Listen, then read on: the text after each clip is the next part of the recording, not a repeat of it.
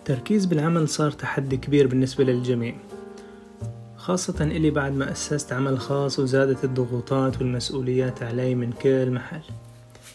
فعملية التركيز صارت أصعب بكتير من قبل وصار لازم يصير فيه هيك آه، طقوس خاصة بعملها لأتحايل على مخي وأقدر أخليه يركز الانتباه على أتمام الأشياء الأكثر أهمية للوقت الحالي.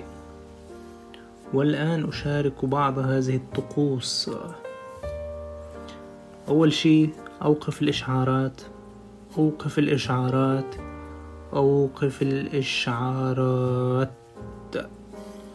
مصدر التشتيت الأكبر بحياتنا جميعا. وبرأيي إنه الإشعارات من أسوأ الميزات اللي طلعت. نعم ليست كورونا. وبرأيي إنه الإشعارات من أسوأ الميزات اللي طلعت بالهواتف الذكية ومنيح اللي صار في عنا الأوبشن إنه نوقفها.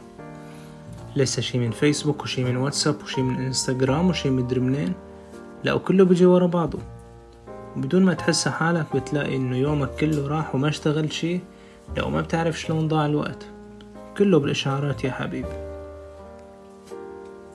وعاد إذا في شي هيك خبر سيء خليه يستنى شوي لبين ما تخلص شغل اللي بإيدك معلش. لحقان. تاني شي استبدل الضجيج المحيط بضجيج مفيد. في عندي سماعة عازلة للضجيج الله يخلي لنا سماعة dot com. أه بس البسها خلص.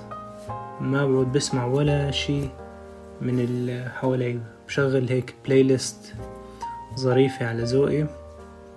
وبندمج.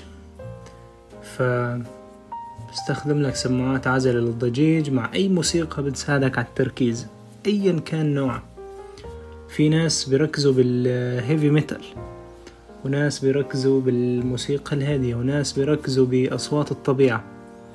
حتى ممكن تشغل مسلسل بالخلفية وتشتغل عادي.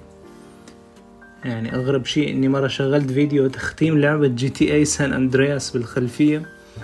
واشتغلت وكتير كانت جلسة يعني منتجة وفخمة. وتالت شي إنك تبدأ من أي مكان. قسم مهامك الكبيرة لمهام صغيرة وابدأ من أي مكان تقدر تبدأ منه. يعني أحيانا بتطلع هيك على الشغلات بتشوفها كتيرة أو تقيلة أو صعبة ف بصير عندك نوع من الإحباط.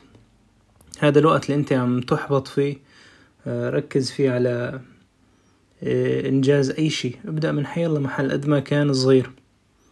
من الأسهل من النص من الأول من الأخير. ابدأ من أي محل ومن هناك بتنطلق. وما بتحس غير كرجت معك الكراجة وخلصت الأعمال كلياتها. إيه وهيك.